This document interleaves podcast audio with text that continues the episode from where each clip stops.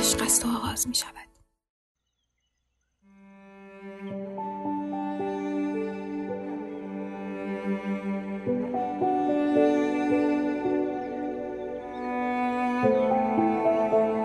سلام عزیزان مرزی باقرزاده هستم. از مجموعه خودیاری. موضوع امروزمون حریم شخصیه. اما چی شد که من موضوع حریم شخصی رو برای گفتگو انتخاب کردم؟ این یه داستانی داره.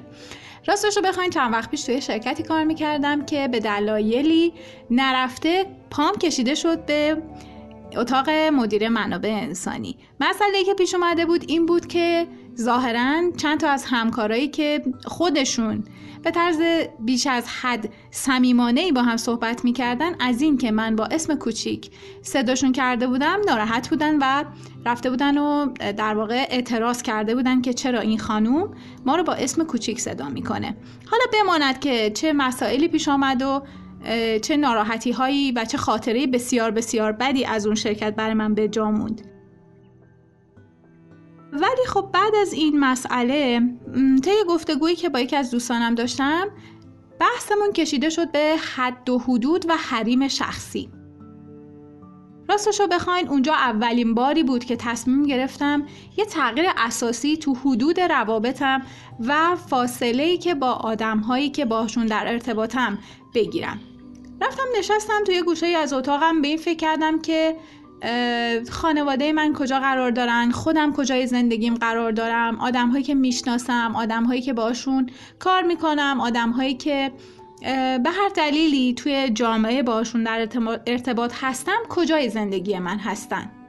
و شروع کردم یه تمرینی رو انجام دادم که امروز می‌خوام در مورد اون تمرین باهاتون صحبت بکنم و ازتون بخوام که همراه با من اون تمرین رو انجام بدین که کمکمون کنه احساساتمون رو سر و سامون بدیم و حریم شخصیمون رو مشخص بکنیم. اسم این تمرین تمرین حلقه است. برای انجام دادن این تمرین نیاز داریم که هفت تا حلقه بکشیم هفت تا دایره ای که توی همدیگه هستن. حلقه ها در واقع تشکیل دهنده و نمادی از زندگی و ارتباطات ما هستند. تو این تمرین ما با توجه به جایگاه خاص هر کسی توی زندگیمون اسمش رو توی دایره ای می نویسیم. خیلی مهمه که یادمون باشه جایگاه آدم ها توی زندگی ما همیشگی و ثابت نیست. احساسات ما تغییر می‌کنه آدما یه روزی وارد زندگیمون میشن و یه روزی از زندگیمون خارج میشن حلقه ها نشون دهنده این تغییرات توی زندگی ما هستند. همونطور که گفتم قرار هفت حلقه برای زندگیمون بکشیم. توی دایره اول اسم خودمونو کسایی رو که خیلی خیلی دوستشون داریم می نویسیم البته من ترجیح همین بود که فقط اسم خودم بنویسم و اسم دیگرانی که به هم خیلی نزدیک هستند رو توی دایره دوم بنویسم. و میریم سراغ پر کردن اسم افراد توی دایره ها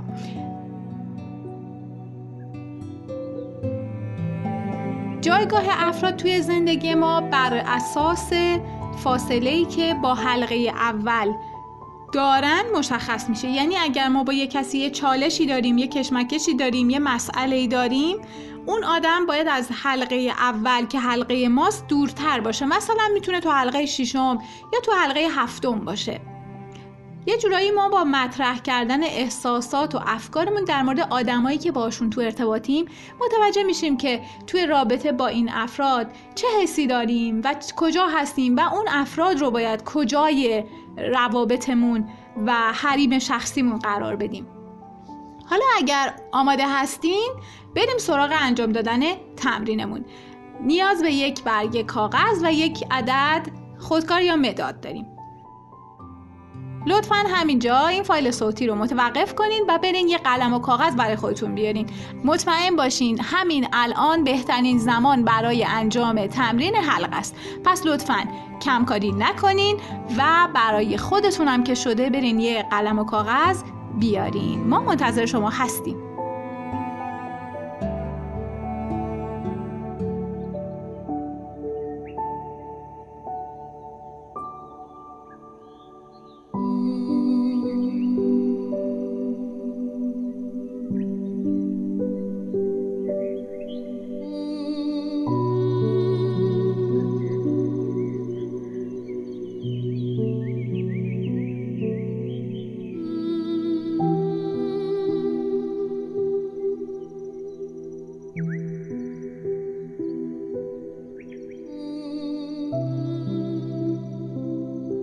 مطمئنم که رفتین و یه قلم و کاغذ برای خودتون آوردین. لطفا روی اون برگه هفت تا دایره بکشین.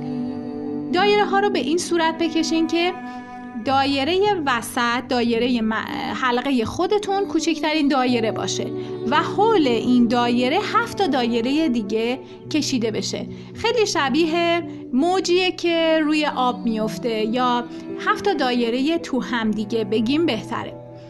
سعی کنین برای نوشتن اسم ها جای مناسبی در نظر بگیرین یعنی دایره ها رو خیلی به هم نزدیک نکشین یکم با فاصله بکشین که بتونین توش اسم بنویسین. برای حلقه ها شماره بزنین. شماره اولین دایره یا کوچکترین دایره شماره یکه که حالا ما بهش میگیم دایره خودم حلقه خودم. و همینطور به ترتیب تا شماره هفت اسم حلقه ها رو بنویسین.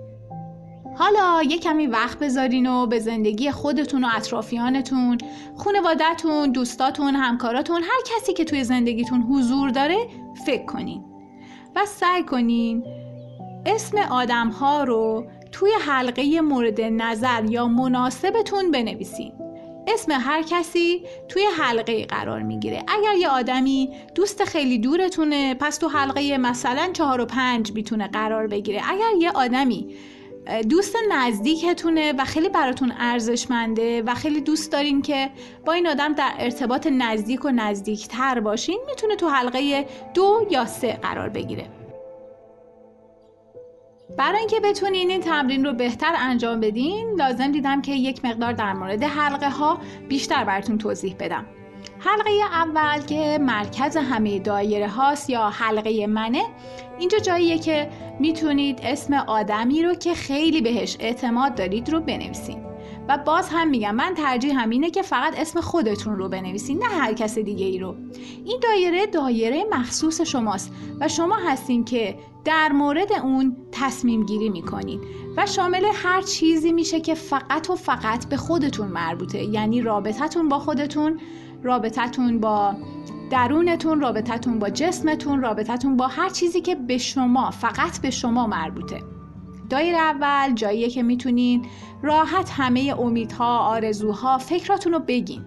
نگران چیزی نباشین. و ترجیحاً خودتون رو تو این دایره اصلا قضاوت نکنین. حالا لطفا یه لحظه با من همراه بشین و دست از نگرانی و استراب و سرزنش کردن و قضاوت کردن در مورد گذشته و آینده خودت بردار. روی دایره مرکز زندگی تمرکز کن. از خودت بپرس چه کسی تو این دایره است؟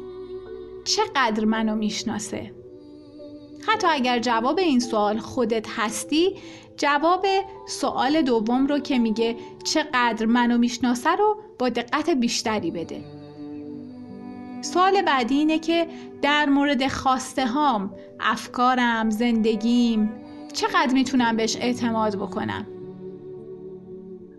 سوال بعدی چه کسیه که به من این حس رو میده که کنارش می‌تونم خودم باشم و هر جوری هستم رفتار کنم؟ اگر جواب سوالتون خودمه ببینین که چجوری می‌تونین دست از قضاوت کردن خودتون زرزنش کردن خودتون و تنبیه کردن خودتون بردارین. چجوری می‌تونین کنار خودتون احساس بهتری داشته باشین؟ کنار کسی که برای تمام عمر با شما همراهه. شاید نوشتن اسم خودتون تو این دایره کافی باشه اما هیچ اشکالی نداره. اگه اسم کس دیگه ای که خیلی خیلی باهاش راحت هستین رو هم کنار اسم خودتون بنویسین. کسی که بهتون احساس امنیت و راحتی میده و می‌تونین کنارش خودتون باشین.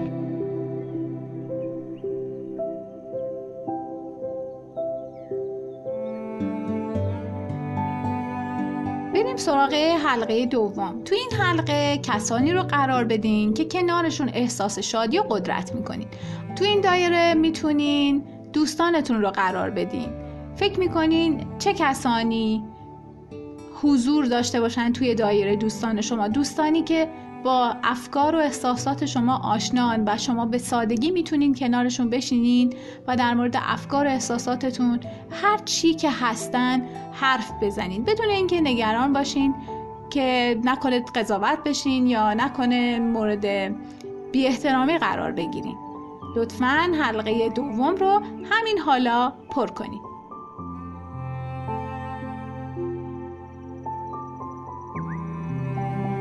و اما حلقه سوم.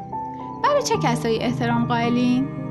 هر کسی که هستن اونها رو توی دایره سوم قرار بدیم. دوستاتون، آشنایاتون، دوستاتون، خانوادهتون، کسانی که می‌شناسین، همکارانتون و هر کسی که شما براشون احترام قائلین. همه آدمایی که از بودن کنارشون لذت می‌برین و براتون ارزشمندن می‌تونن تو این دایره قرار بگیرن. عزیزان این دایره برای وقت گذرونی و لذت بردن و مصاحبت آدم های ای هستن میشه کنارشون نشست و از بودنشون لذت برد. اونا احساس خوبی به ما میدن. دایره سوم رو هم همین حالا پر کنید.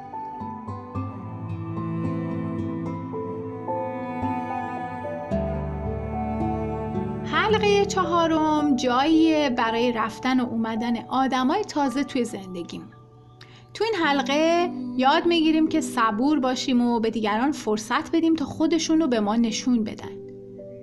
اینجا می‌تونید بنویسین که تازگی ها با چه کسی آشنا شدین و دوستای نسبتا جدید خودتون رو هم بنویسین. اگه دوست صمیمی تری دارین که حالا با وجود اینکه تازه باش آشنا شدین اما باش صمیمی هستین می‌تونه تو حلقه سوم باشه یا حتی تو همین حلقه. این تصمیم با شماست.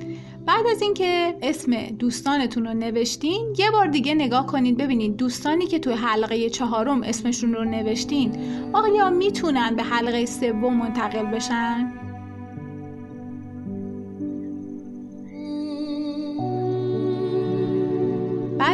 حلقه چهارم رو نوشتیم و بررسیش کردیم میریم سراغ حلقه پنجم. این حلقه شروع تغییره. اینجا کسانی هن که تو زندگی ما مسائلی رو ایجاد کردن.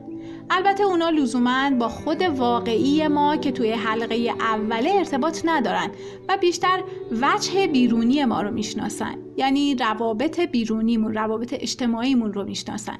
خیلی از خود حقیقی ما اطلاع ندارن. و ما می‌تونیم اعتماد به نفس بیشتری توی رفتار با اونها و در حضور اونها داشته باشیم و اعتماد به نفس رو در حضور اونها تمرین کنیم. اینجا بهترین فرصت برای دست برداشتن از احساس بیکفایتی و بیارزشیه. چون می‌تونیم با اعتماد به نفس بیشتری باشون روبروشیم چون می‌دونیم که خیلی از ما چیزی نمی‌دونن. همین الان یه لیست از آدم هایی که تصور می‌کنید با اونا مسئله دارین رو بنویسین. همینطور به عنوان یه ناظر بیرونی تصور کنین که یه نمایش رو می‌بینین یا میشنوین و خودتون رو تو این نمایش به عنوان کسی که هیچ نقشی نداره در نظر بگیرین. اما یکی از بازیگرها هست که خیلی خیلی شبیه شماست و لازمه که شما خیلی بیطرفانه ببینین که چه اتفاقهایی بین این بازیگر و بازیگرهای دیگه میفته و این و نتیجه نمایش چطور باشه بهتره.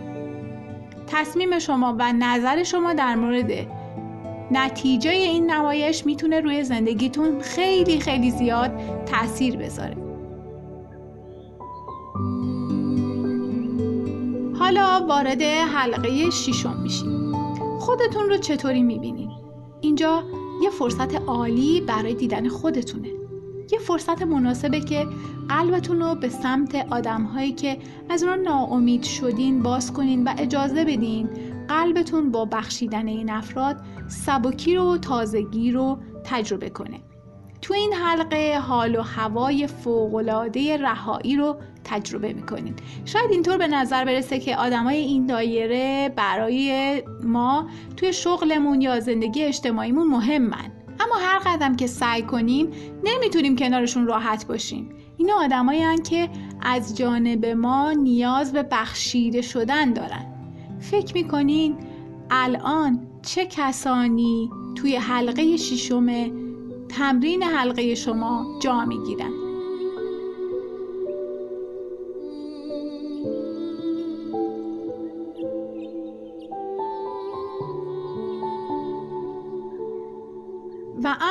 حلقه هفتم. اینجا جاییه که دورترین افراد و آدمایی که نمی‌خوایم با اونا ارتباط داشته باشیم حضور پیدا می‌کنن. فاصله حلقه هفتم تا حلقه مرکز یعنی حلقه خودمون به ما احساس آرامش و رهایی میده. تو این حلقه آدمایی که بهمون به آسیب زدن یا باعث ناراحتیمون شدن یا حس حقارت رو توی ما ایجاد کردن قرار می‌گیرن. این حلقه فرصت خوبیه. برای رها کردن افکار و احساسات زجرآور و ناراحت کنندمون در مورد زندگی. خبر خوب اینه که اسم هر کسی که توی این حلقه نوشته شده رو به راحتی می‌تونین فراموش کنین. چون این حلقه از شما از خود حقیقیتون خیلی خیلی فاصله داره و این شما هستین که تصمیم می‌گیرین آدم های حلقه هفتم روی حلقه شما که حلقه مرکزی زندگیتونه تاثیر داشته باشن یا نداشته باشن. لطفا وقت بذارین و حلقه هفتم رو هم تمام کنین.